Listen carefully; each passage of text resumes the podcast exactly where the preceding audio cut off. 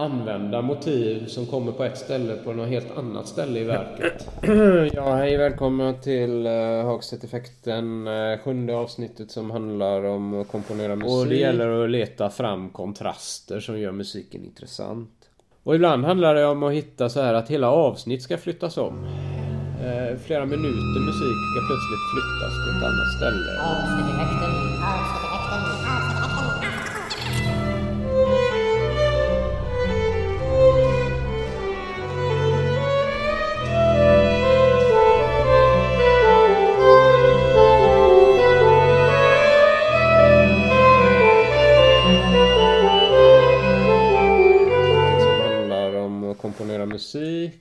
Bara sätter igång nu. Jag, det är ju det där med hur man ska hinna med allting. Spela in en podd och jag ska hinna komponera musik. Och, eh, och så allt annat då. Så det är lika bra att jag börjar nu. Jag har förberett mig genom att skriva ner en hel del reflektioner över hur det går till. För det är nämligen så att bara för att man håller på med någonting så är det inte självklart att man kan berätta om Här har vi ju Så, lösningen så då. det Jag- kommer jag använda mig av men eh, Jag jag, vill ju inte bli blir lite för, orolig nu när jag eh, börjar fundera på detta att liksom eh, podden kanske blir för bra nu. Nu har jag kommit till sjunde avsnittet och det är ju synd om den lite. börjar bli riktigt bra. Eh, eh, läsa upp anteckningar, För att då eh, Så, så att det blir det är slags obalans eftersom den inte var så bra i början. reflektera Eh, med det och som då borde jag kanske ta bort stöd. några avsnitt. Eller så borde jag starta en ny podd. Eller, ja. Men det där funkar ju inte. Så det är bättre att jag, jag liksom ser till att inte göra det för bra nu. Utan jag fortsätter att skrämma bort folk som lyssnar. genom att jag samlar lite. Men eh, jag ska ju för den skull eh, eh, göra det bra ändå. Inte lika bra som musiken. Jag ju kommit fram till att när det gäller musiken då ska jag göra mitt yttersta. Okej, vad handlar det om då? Jag tänkte, jag Jag på att pratar om svamla när jag eh, komponerar men, men det korrigerar ju komposition i allmänhet men kanske framförallt. Genom det här avsnittet kommer ni få höra olika bitar ur simuleringen av min symfoni.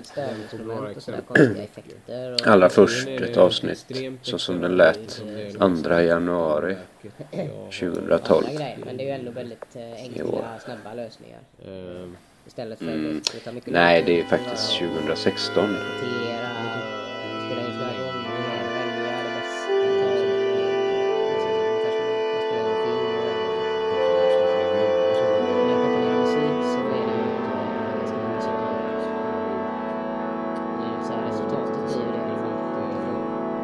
I alla fall generellt sett lämna liksom bakom handlar ju sig. mycket om att eh, Det är väldigt... Komponera, eh, det ordet används ju i Ja, många andra sammanhang än bara musik.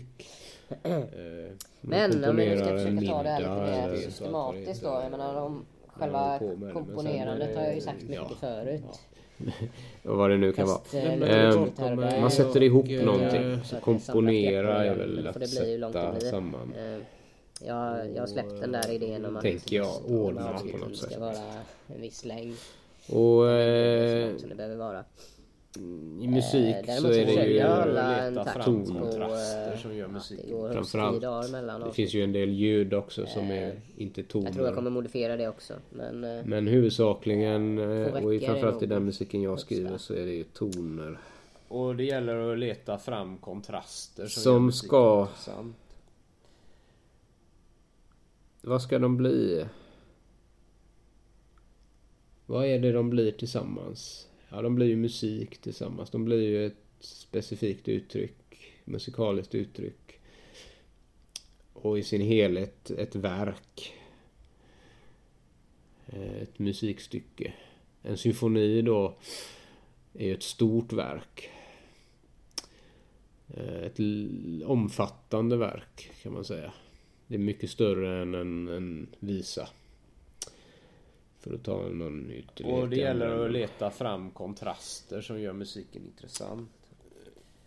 Så att det det handlar om är att sätta samman toner och då är, infaller ju frågan här vad är det vad är det de när man gör det, vad är det det ska bli? Eh, och jag säger verk och jag säger stycke och jag säger musikaliskt uttryck och så. Och det svarar ju inte på frågan. Och frågan är om det överhuvudtaget finns något svar där. Och den där Bergmanska frågan varifrån kommer musiken? Man kan säga varifrån kommer tonerna? Och ordningen på dem. Hur uppstår den? Ja okej, okay, det är jag då som ordnar tonerna. Det kan hända. Ja, det där är en andlig dimension och den är svår att bortse ifrån tycker jag. Den är oerhört väsentlig. Men eh, det är å andra sidan ett kapitel för sig. Det kommer aldrig att förklara hur jag arbetar, metoden och jag tror det är det jag det är det jag ska ge mig på att förklara här. Jag ska liksom gräva i hur jag arbetar när jag komponerar. Frågan varför och varifrån det kommer och, och så. Det är, är för stort.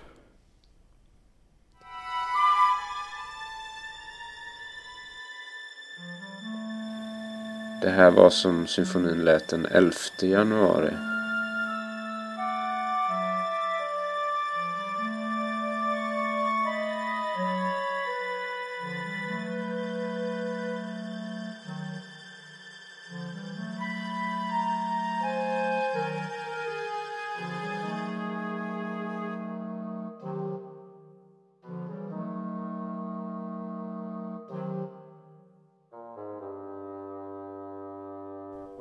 Jag tänker så här.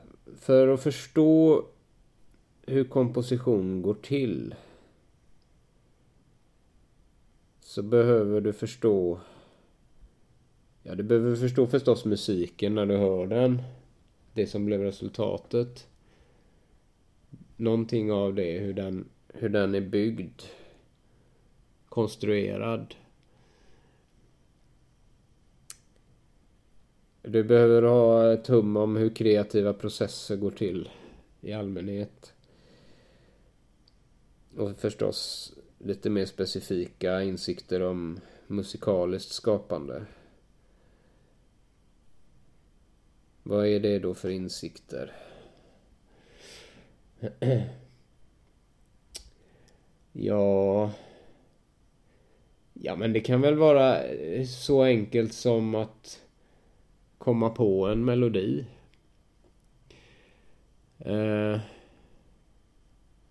om du någonsin har gjort det. Kanske när du var ute och gick eller när du duschade eller när du eh, diskade eller, eller eh, när det nu är. Eller kanske drömde fram. Eh, en melodi som... Eh,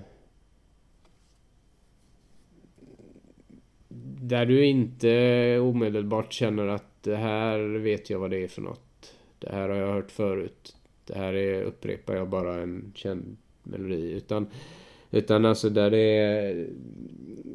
Det kan vara svårt att veta. Det kan ju mycket väl vara något som du har hört någon gång. Men... Eh, det kan också vara så att du aldrig har hört just detta utan du har satt ihop någonting nytt. Och det kan ju gå till om man spelar ett instrument så att man letar sig fram på instrumentet. Ehm. Och kanske bara till synes slumpmässigt prövar olika toner och prövar olika följd på dem. Kanske prövar eh, hitta några toner och sen prövar vad händer om jag lägger till då nästa och nästa ton. Och, och så byter du ut det då. Kanske 20 gånger prövar att spela först 10 toner och sen lägga till en elfte och en tolfte och sådär. Se vilket är det som faller mig i smaken. Hur ska det vara?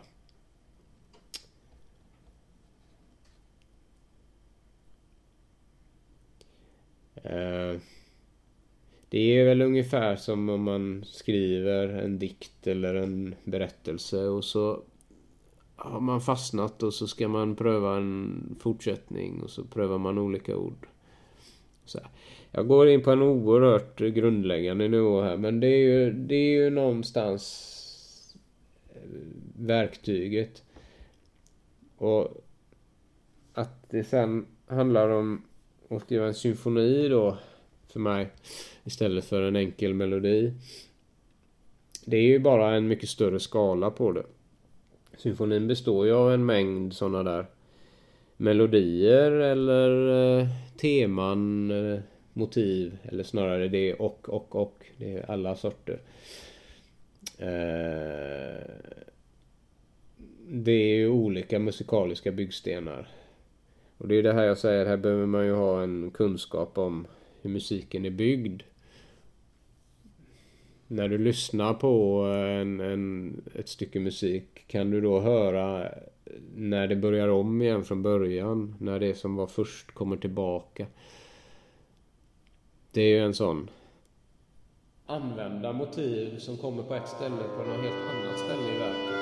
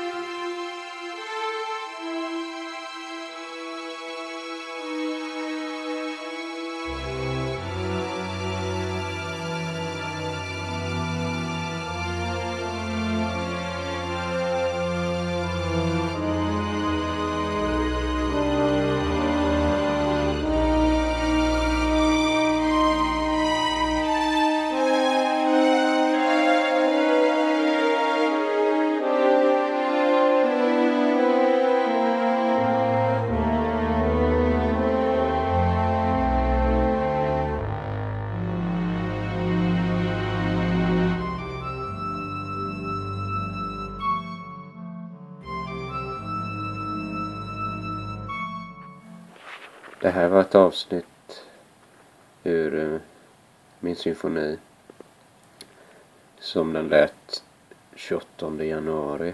En sån Jo. sak.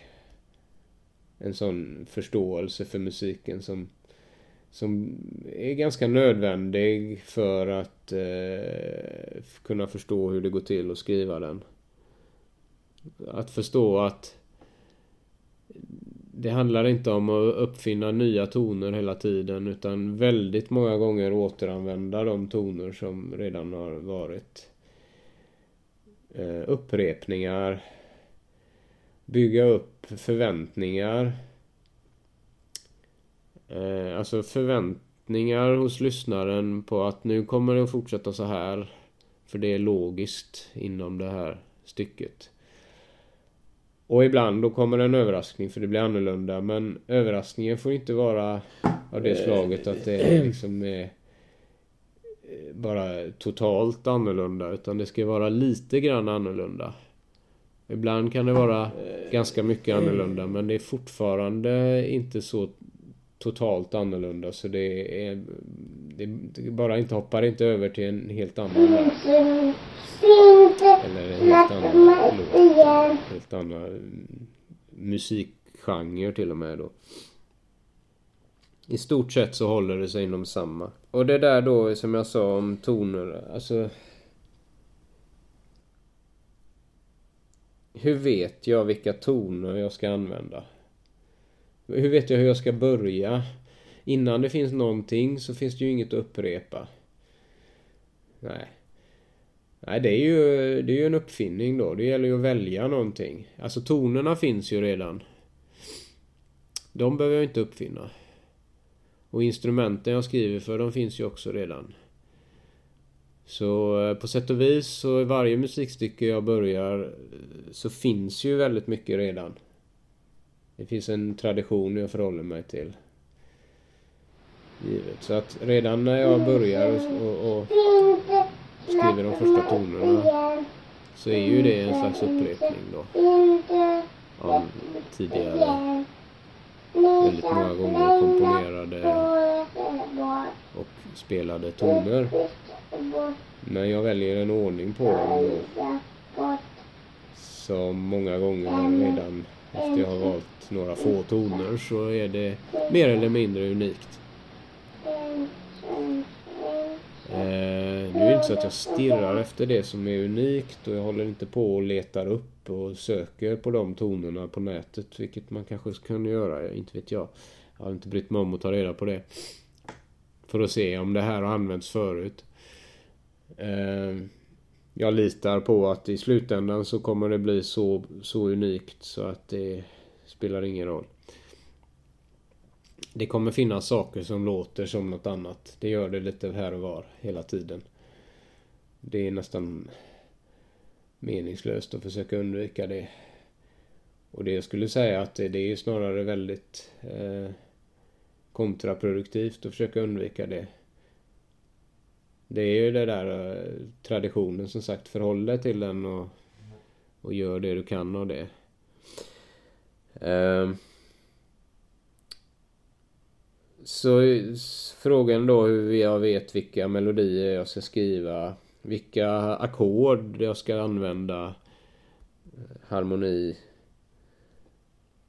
Eh, och allt andra. Alla de andra eh, ingredienserna.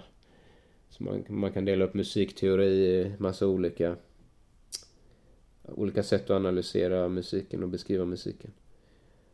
Och kanske då inte minst det här vilka instrument som ska vara med.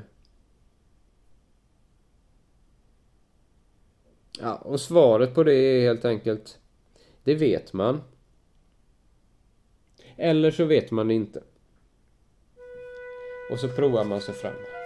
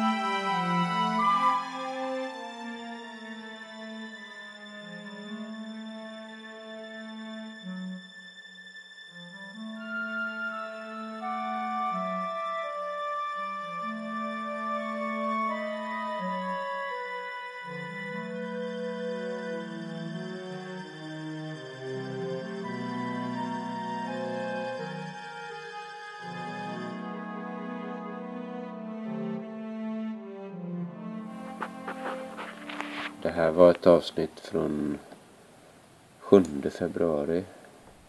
Jag ska försöka beskriva då steg i processen.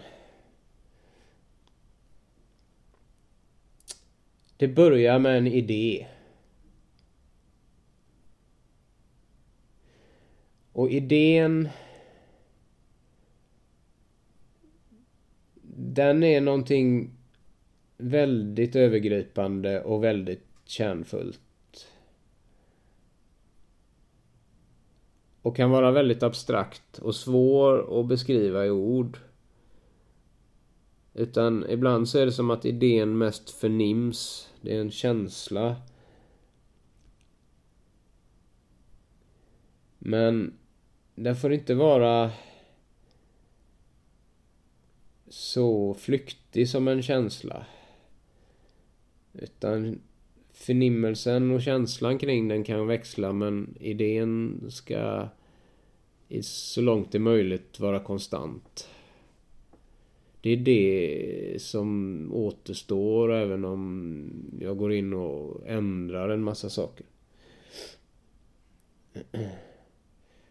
Det här är, det här är ganska svårt att förstå. Svårt att beskriva. Lite tydligare blir det och eh, omsätta eller utveckla då idén till en plan. En slags beskrivning av det verket som ska tillkomma. Och det handlar ju om att eh, tala om förutsättningarna. Vilka instrument är med? Besättning brukar man säga. Vilka, vilka är med? Om det, om det vore en eh, teaterpjäs så kan det vara bra att veta vilka roller som ska vara med. Nu kan det ju tillkomma men ofta så vet man ju huvudrollerna i alla fall. Och likadant när man ska göra en film så är det väldigt bra att veta vilka roller. Och för filmen är det kanske ännu viktigare för där behöver man ju hitta rätt skådespelare och det... Det... Fast, fast det är ju en annan process i och för sig att spela in film och så. Först ska den ju skrivas då. Egentligen så är ju att komponera musiken mera manusarbete om man ska likna det vid film. Så det kanske inte är en perfekt liknelse. Och likadant med att skriva en teaterpjäs. Så är det väl själva texten då. Pjäsen. Inte uppsättningen av den. Ja, det är lite klurigt. Men i alla fall. För mig är det väsentligt att bestämma besättning på orkestern Eh, I det här symfonifallet i alla fall. När det är mindre så kallar man väl det ensemble eller så. Och hur långt det ska vara. Ungefär. Eh, ibland är det väldigt ungefär. Men det är fortfarande... När jag säger symfoni så är det inte två minuter. Och det är inte heller tre dagar långt. Det är inte ens... Jag är rätt säker på inte ens tre timmar långt. Men det kan ändå skifta mellan eh, 20-30 minuter upp till en och en halv timme. Eller något sånt. Och eh, just i den här symfonin så tror jag, jag minns inte riktigt men jag tror att jag tänkte från början att den skulle bli eh, minst 40 45 minuter. Men kunde bli mycket längre också. I det här fallet ville jag att det skulle vara en process som skulle bestämma det. Utvecklas i det och då hade jag nog en känsla av att det, den processen rimligen skulle ta det uppåt över en timme. Men jag ville inte spika fast att nu ska det vara så här långt exakt. Så idén eh, i det här fallet var verkligen inte längden.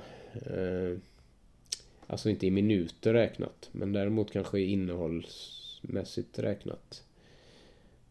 Och det är det, innehållet, inriktningen, vilka stämningar eller vad det nu är inryms i verket. Det ingår i planen. Ehm, och eh, vad det är för sorts värld musiken rör sig i. Det, blir, det uppstår eh, någon form av regler som eh, jag tror det är ovanligt att man skriver ner dem men de finns där så fort partituret Alltså nottexten börjar utvecklas Så börjar det gå att utläsa det ur det. Det är svårt att beskriva exakt hur man kan se det men det, det syns där och det framförallt så uppstår det ju tankar hos mig om vilka regler som gäller. Allt det där får kompletteras efterhand musiken växer fram. Eh, och ibland till och med går det att gå tillbaka till idénivån eller upp till idénivån igen och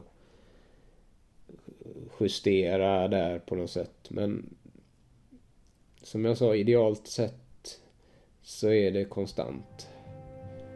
Det, väl, det hänger ihop där med idealt och idé, tror jag.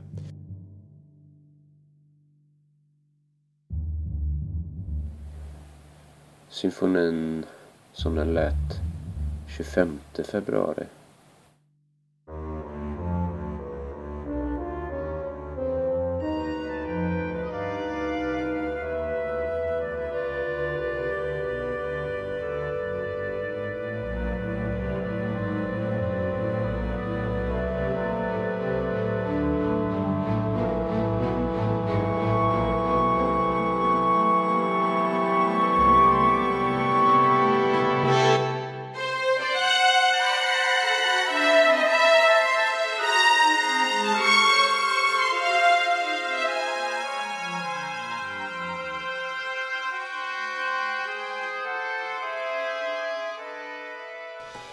Men så kommer då eh, ett eh, byggande, sätter igång.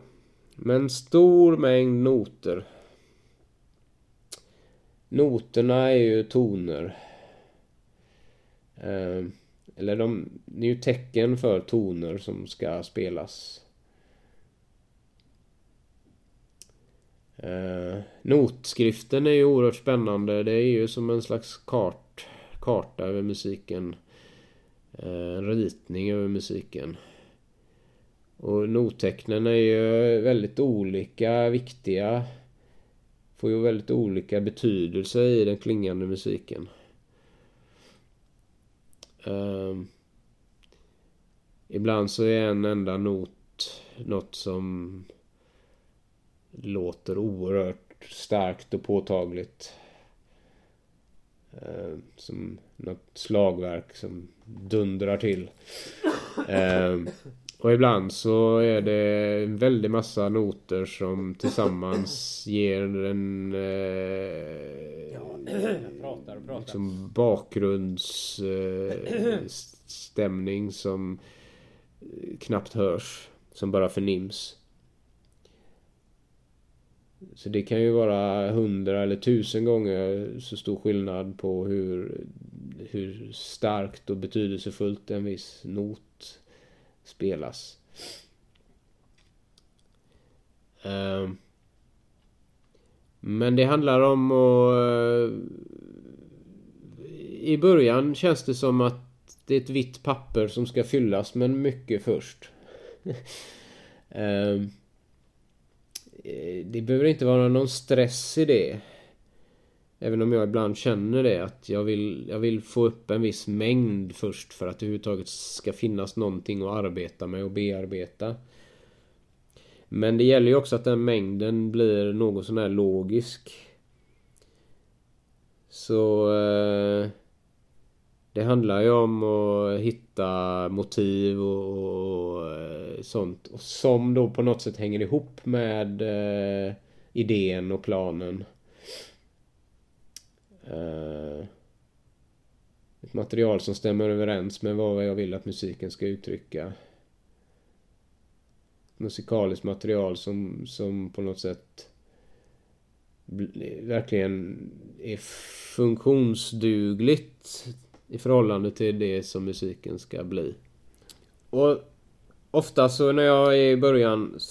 Eh, jag brukar ju prata om olika procent av arbetet och det här handlar om de första 20, 30, 40 procenten av arbetet. Så, så sätter jag igång med eh, att skriva musik på massa olika ställen i verket. Det är ofta början och längre in på flera andra ställen. Och bara för att sprida ut och inte köra fast utan låta det verkligen flöda fram en massa material och börja som så uppstå på olika ställen. Och där jag kan prova saker och eh, ja, prova verkligen och rata en hel del behåller inte allt, verkligen inte. Men samtidigt så är jag inte sånt så att jag kastar eh, eh, så som bilderna är av konstnärer som skissar och slänger papperstussar så det blir en hel hög. Utan eh, någon balans där, där jag försöker känna in så att det blir vettiga saker och hejda mig och justera och sådär. Och jag letar efter var det börjar kittla. När jag lyssnar på det då. Jag använder mig av väldigt ofta eh, i arbetet. Jag jobbar i datorn och lyssnar på simuleringar. Och det funkar bra för mig som verktyg.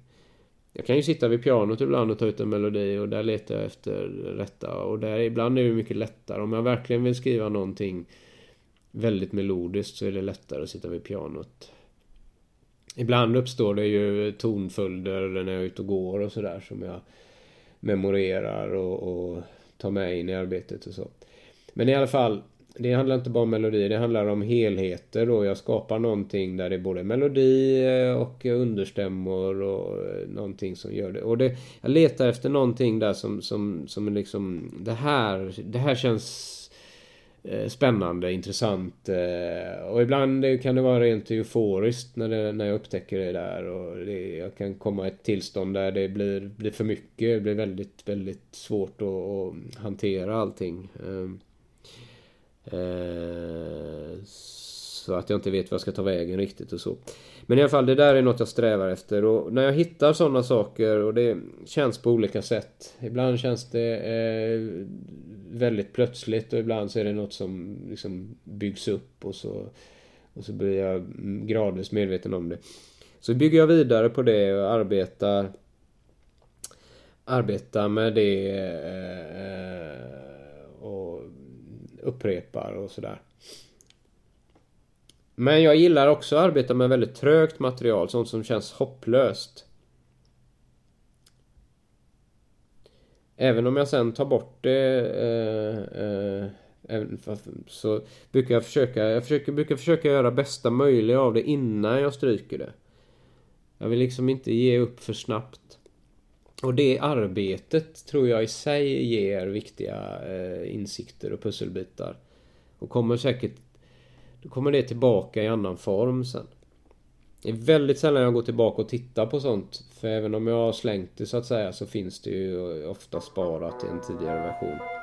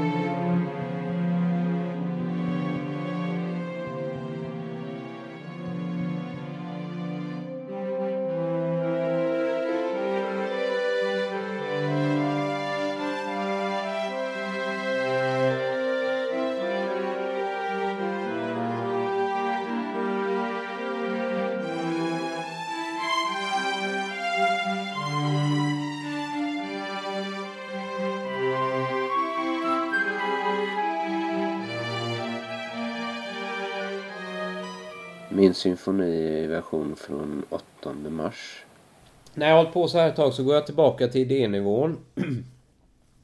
eh, eller plannivån och jämför och kan fylla i där och börja, börja förstå mer vad, vad för sorts verk det är som växer fram och vilka regler som gäller och allt det där. Och sen handlar det om att bara flöda och flöda och flöda. Och det går ju inte att sitta... Man kan ju inte sitta tim... Alltså hur många timmar som helst i sträck eller dygn i sträck eller så. Utan det gäller ju att hålla upp ett, ett jämnt flöde som är fördelat över många arbetspass. Som växlar emellan några minuter till, till ett par, tre timmar. Och eh, helst då eh, alltid lämna en öppning när jag slutar ett arbetspass så att jag har något att jobba vidare med. Men eh, ibland går det inte att lämna några sådana öppningar. Ibland är det, har jag kommit till en punkt där jag liksom inte kan göra mer och då eh, får jag ändå eh, hitta ett sätt att komma igång nästa gång. Och det går inte att vänta på att det ska funka utan det är bara att sätta igång och jobba med det. Det finns olika sätt att komma, komma tillbaka in. Ibland får jag lyssna och lyssna och lyssna. Ibland kan jag direkt jobba med något som har gått, som har gått och liksom grubblat fram. Här, som har fått gro. Det är väldigt olika. Eh, men det handlar om att flöda ut en massa. Jag kavlar ut degen som jag säger innan man börjar ta ut formerna. Man gör pepparkakor. Eh, ja, en sådär liknelse. Eh, det, det, handlar om att ta stora risker. Ta risken att jag skapar en massa material som blir väldigt ohanterligt sen. Att det blir för mycket som jag inte vet vad jag ska göra med. Som jag inte jag kommer riktigt kunna slänga heller för att jag tror att det är bra eh, på vissa sätt och så. Det, det är risker som är nödvändiga att ta, känner jag. Det skulle gå att vara väldigt försiktig och liksom ta ett steg i taget och så här Eh, måste känna in allting innan jag vågar skriva det. Men det är ingen metod som funkar för mig. I vissa lägen kan jag känna att jag behöver vara försiktig, att jag inte förstör något sådär. Men det är normalt sett är det inte så jag jobbar. Det handlar mycket om copy-paste, eh, kopiera. Jag, jag hittar, ah, det här avsnittet var bra, ja, men nu, nu, vad händer om jag tar det en gång till och så går jag in och förändrar det och kopierar det. Eller förändrar det första låter det, ja, alltså, det spelar ingen roll ordningen där. Så det jobbar mycket med det här som jag säger, upprepningar, förväntningar, överraskningar.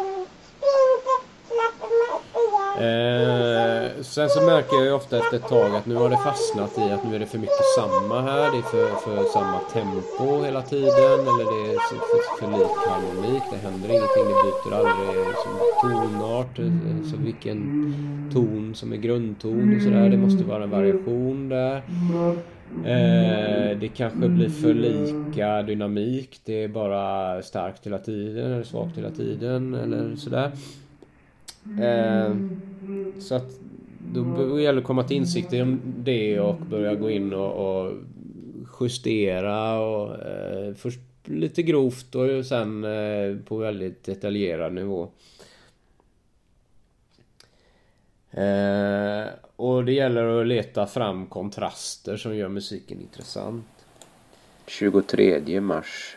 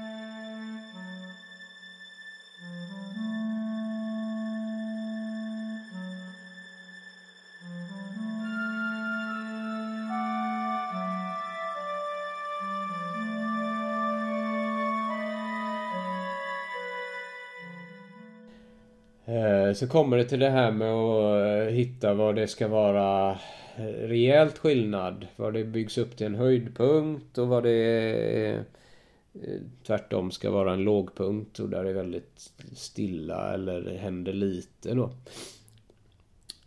Sådana saker är väldigt viktiga för mig. Det har jag i min musik. Det finns musik som nästan saknar höjdpunkter och dramatik och sådär. Och det, det, det är en annan stil. Det har jag väldigt svårt att tänka mig och själv skriva. Ehm, det här för att bygga upp en höjdpunkt så är det, har jag märkt genom åren att det är bättre att låta materialet växa och, och själv avslöja vad som håller för att vara höjdpunktsmaterial. Så det är ofta någon, något som först jag skriver som jag tror ska vara mest svagt och stilla och lugnt och så som sen visar sig ha kapacitet att utvecklas till något väldigt dramatiskt eller väldigt kraftfullt, väldigt komplicerat och så vidare. Det är väldigt spännande att följa det.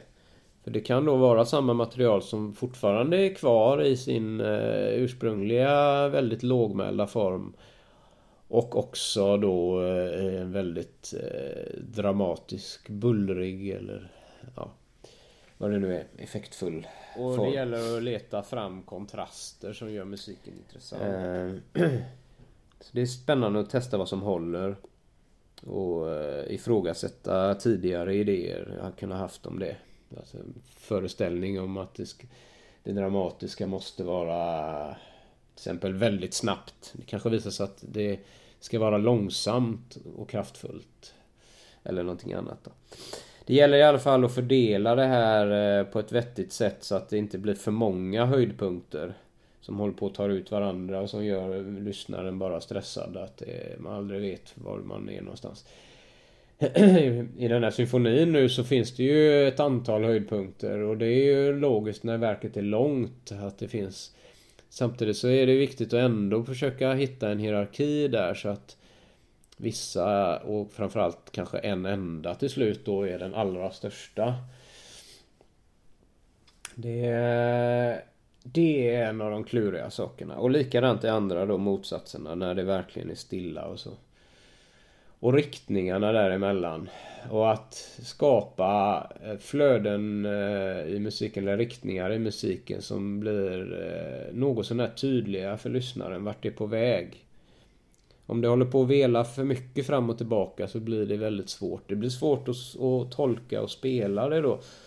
Och det blir svårt för lyssnaren. 7 april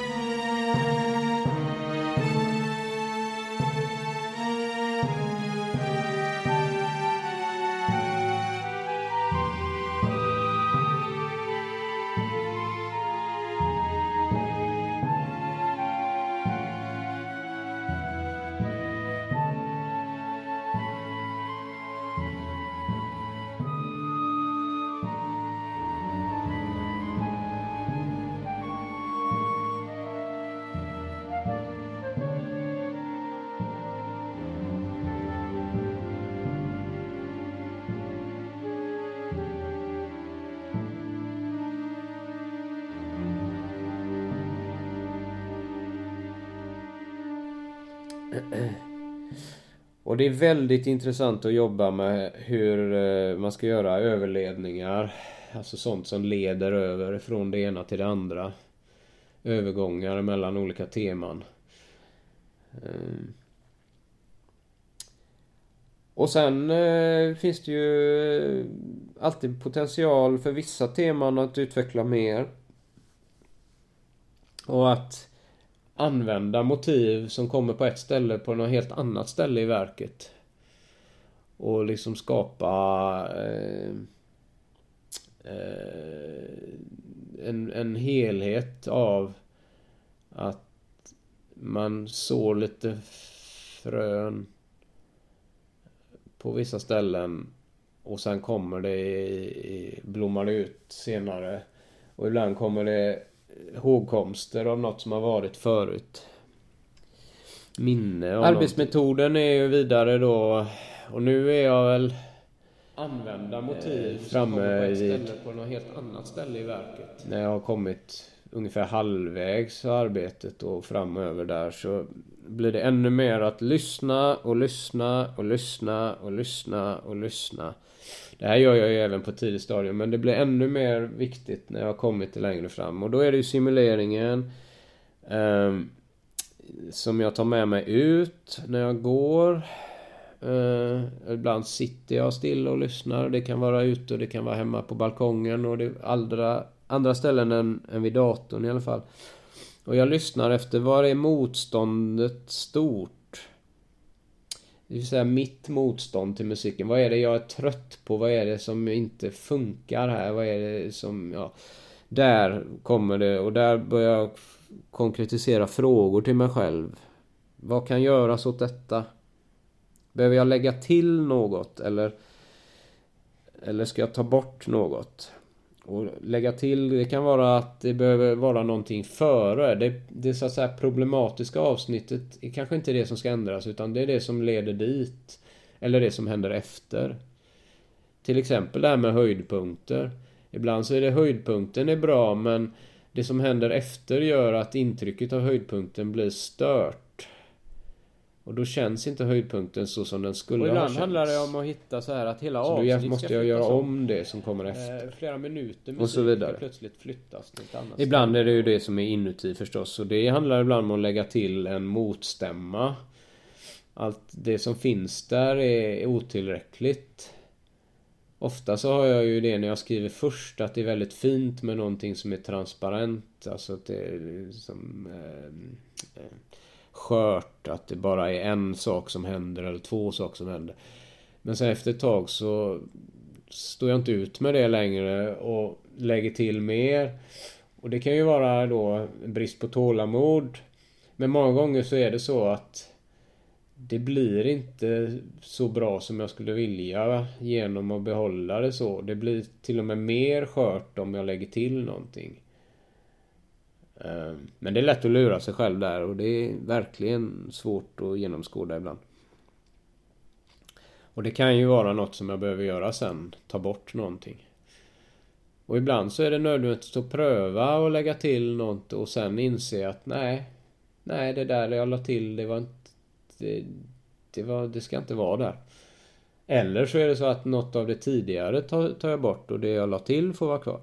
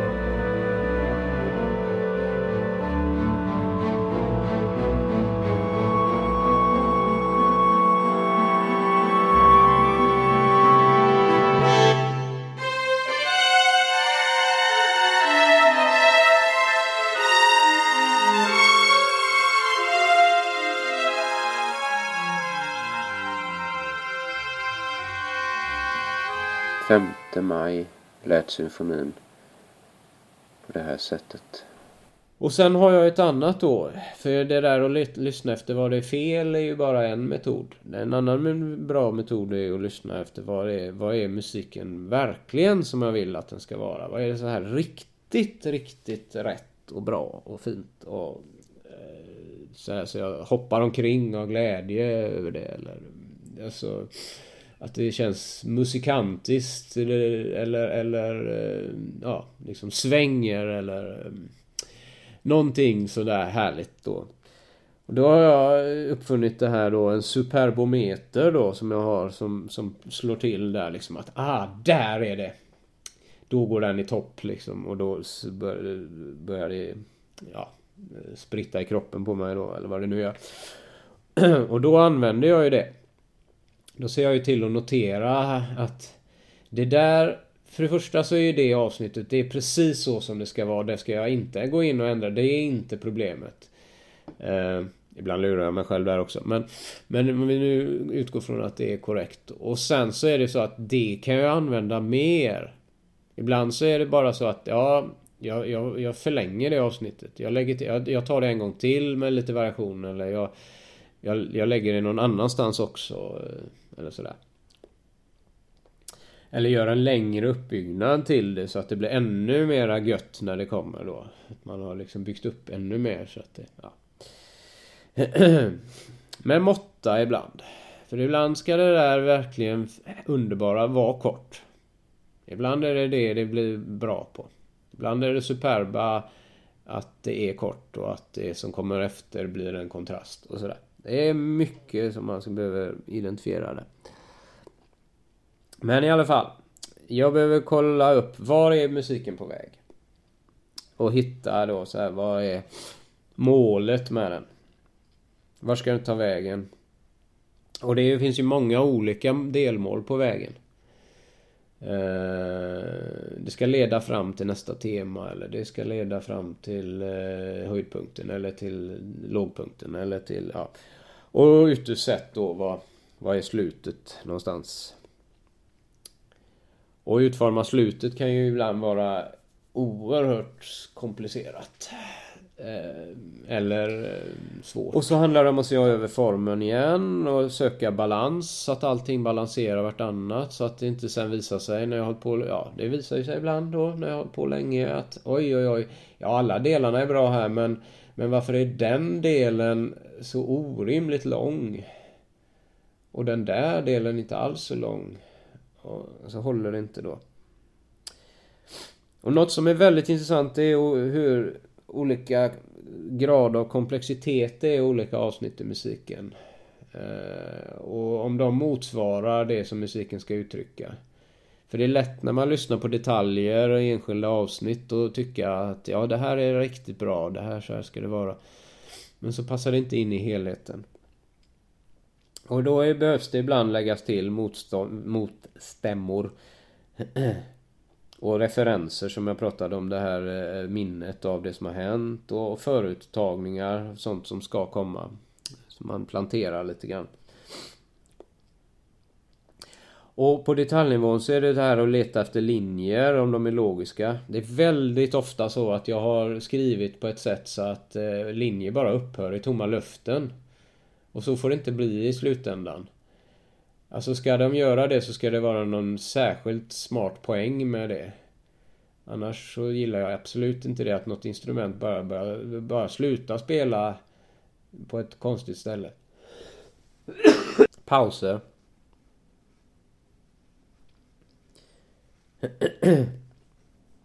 Och så det här med dramatiska vändningar. Det får det inte vara hela tiden. Det får det vara på vissa ställen och det gäller att hitta rätt plats för det. Vad gäller instrumenten så får ju olika instrument vissa roller. Um, och då är det lite så här att om det nu är ett stort klarinettsolo på ett ställe um, så kanske jag inte ska ha ett klarinettsolo någonstans före det. Och, eller så ska det vara det, men då är det en poäng att det är en slags förberedelse av att det sen kommer ett... Ja. Eh, och allt sånt. Och ibland kan det vara en poäng att ett, ett och samma instrument får presentera olika saker och då, blir, då får den rollen av att vara någon slags... Eh, vad heter det? berättare eller jag skulle kalla det presentatör, eh, konferencier eller ja, så här, roller då. Och det kan vara något annat instrument som har rollen att komma in och störa här och där. Och, och det gäller att, att eh, ha en plan där eller liksom se, se över så att det blir logiskt att vissa instrument eh, att man sparar på vissa saker, vissa typer av effekter eller vissa sorters spelsätt och sådär. Att inte allt kommer för snabbt på en gång, hur som helst. Utan eh, vissa sätt att spela på stråkinstrumenten, till exempel eh, tremolo och så här snabba upprepade toner. Att jag, jag fördelar det på ställen där det ger eh, rätt effekt. Inte lägger in det lite var som helst och sådär. och slagverket är väldigt mycket så. Och slagverket brukar jag skriva, lägga till väldigt sent mycket av det. För att det... Det lägger till väldigt fina förstärkningar av mycket och kan lägga till en extra dimension. Men det är sällan det tillhör det materialet som jag utvecklar tidigt.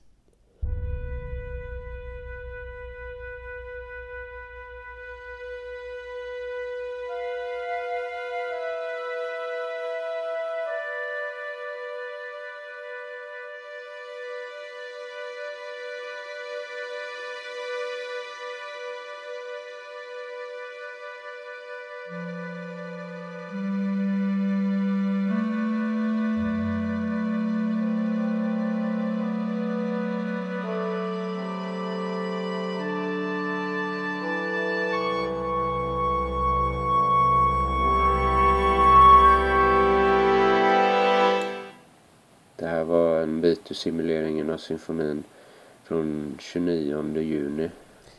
Totalt sett, det går ju inte att ha med allt. Inte ens en symfoni som den här som jag håller på med som är 80 minuter lång nu.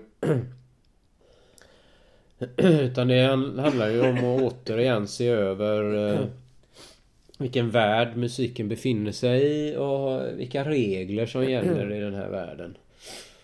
Och man kan bryta mot reglerna men reglerna finns där. De uppstår på något sätt. En logik. Vissa typer av tonföljder är väldigt vanliga. Vissa förekommer i princip inte alls. Vissa, typ av, vissa typer av ackord finns ofta och andra finns inte. Vissa sätt att kombinera instrumenten finns, andra inte. Och det och gäller vidare, att leta fram kontraster som gör musiken intressant.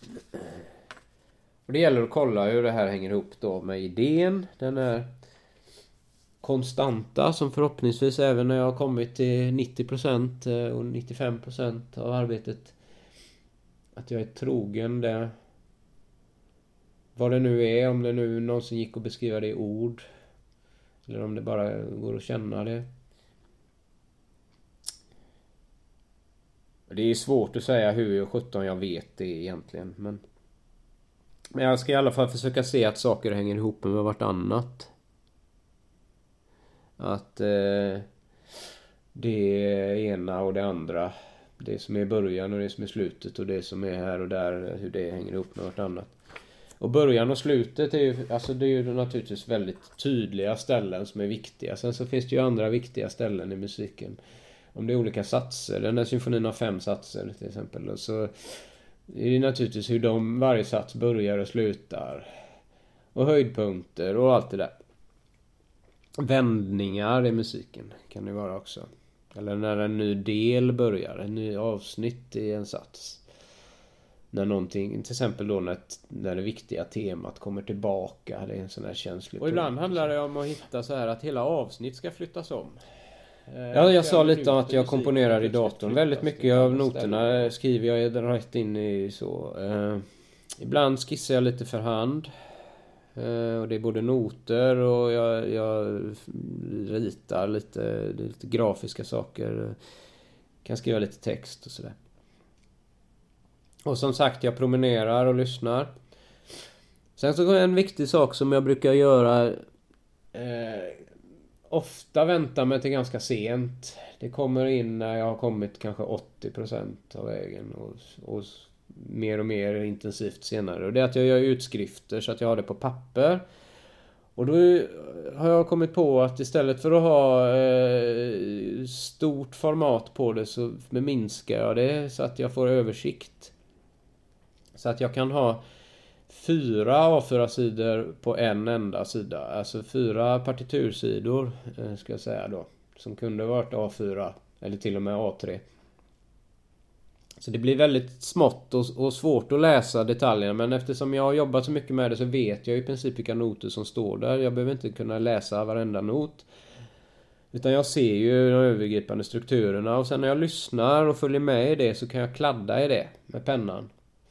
Då har jag olika symboler där. Jag, jag ritar raka linjer under det som är bra. Kanske gör en, en fyrkant runt och sådär ringar in sånt som behöver åtgärdas som på något sätt är för mycket eller fel eller, eller behöver kompletteras eller, eller ja, ofta gör jag en ring där det inte är någonting skrivet. Där det är en paus just nu där det borde vara något. Och då vet jag att där ska jag jobba med lägga till något sen.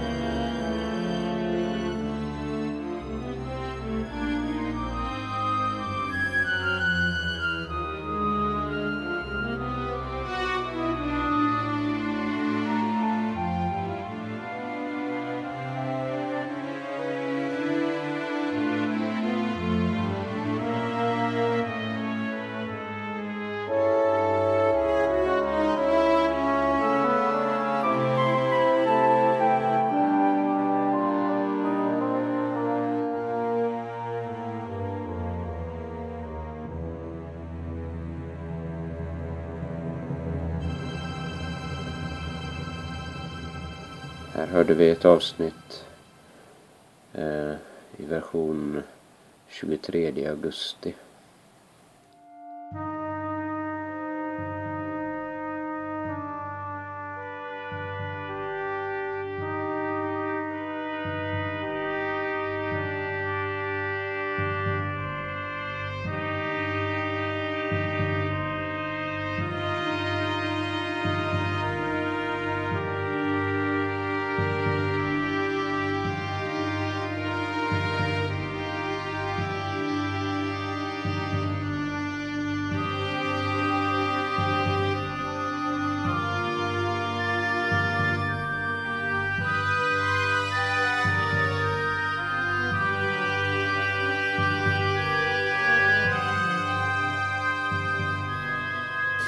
Och ibland handlar det om att hitta så här att hela avsnitt ska flyttas om. Eh, flera minuter musik ska plötsligt flyttas till ett annat ställe. Och ibland har jag gjort riktigt komplicerade sådana här saker där jag delar in musiken i en kanske 7, 8, 9, 10 olika avsnitt och där det är då liksom del C ska ligga före B och, och eh, F ska ligga före C och ja alltså det blir väldigt komplicerat ibland men jag har till och med gjort så att jag då klipper ur papperna och för att kunna lägga om eh, sidorna eh, i den nya ordningen för att pröva mig fram. Vad händer då? Det brukar bli lyckat. Och sånt behöver ofta göras koncentrerat. Det kan jag inte skjuta upp utan det behöver jag göra färdigt med, inom samma arbetspass. Eh, det kräver maximal kapacitet av, ja, vad det nu är. hjärnan eller sinnet eller mm, det mentala eller ja. Kallar det. Och så handlar det om då, ibland går jag promenad och hör helheten. Nu när jag har 80 minuters symfoni så behöver jag ibland höra hela i ett enda svep. För att bli klok på om de olika delarna fyller sin funktion. Oavsett om de låter bra i sig själva. Och det är verkligen stor skillnad hur någonting låter i, i eh, isolerat jämfört med hur det låter i helheten. Det finns ju massa utmaningar när man lyssnar på det sättet. Eh, eller på de här sätten. Eller lyssnar efter det. här. Alltså det är Just det här att höra allting i ett svep och aldrig tillåta sig att stanna. Det gör ju att jag inte hinner med och uppfatta allt. Och framförallt inte hinner notera och anteckna allting. Och så är det. Så får det vara. Och det låter olika varje gång och om jag lyssnar om så hör jag någonting nytt och det, då, därför så gör jag det. Det finns de som är så här väldigt eh, renläriga med att man får bara lyssna en gång och så ska man skriva ner det man uppfattar och så ska man arbeta med det bara för att det motsvarar eh, situationen för lyssnaren som sen bara hör det en gång. Jag skriver ju musik som är tänkt att behöva lyssnas på många gånger. Man ska ju få ut något av den en gång men Men i stort sett ska man behöva höra det många gånger. Så för mig är det inget problem att själv lyssna många gånger och fördjupa mig och hitta ännu mer och mer och ännu mer detaljer. Sen så är det ju så att öronen är ju olika så att säga, eller lyssnandet då egentligen. Fräscha öron kan man prata om. När man inte har hört på det på ett tag, då låter det helt annorlunda. Sen när jag är uppvärmd, lyssnar om och om igen, så hör jag helt andra saker. Ibland låter det förfärligt och så lyssnar jag igen och så låter det jättebra. Och det där är jättenyckfullt. Och tidsuppfattningen är så olika med proportionerna mellan olika avsnitt. Ibland känns det som eh, otroligt långt och ibland känns det inte alls långt. Så jag hinner alltså inte ta in allt och reflektera samtidigt. Jag får en känsla av att något behöver korrigeras. Och då kan jag göra en krumelur där. Och sen får jag gå tillbaka och kolla, behövdes det verkligen? Behövs det korrigeras? Och jag, ja... Äh, äh,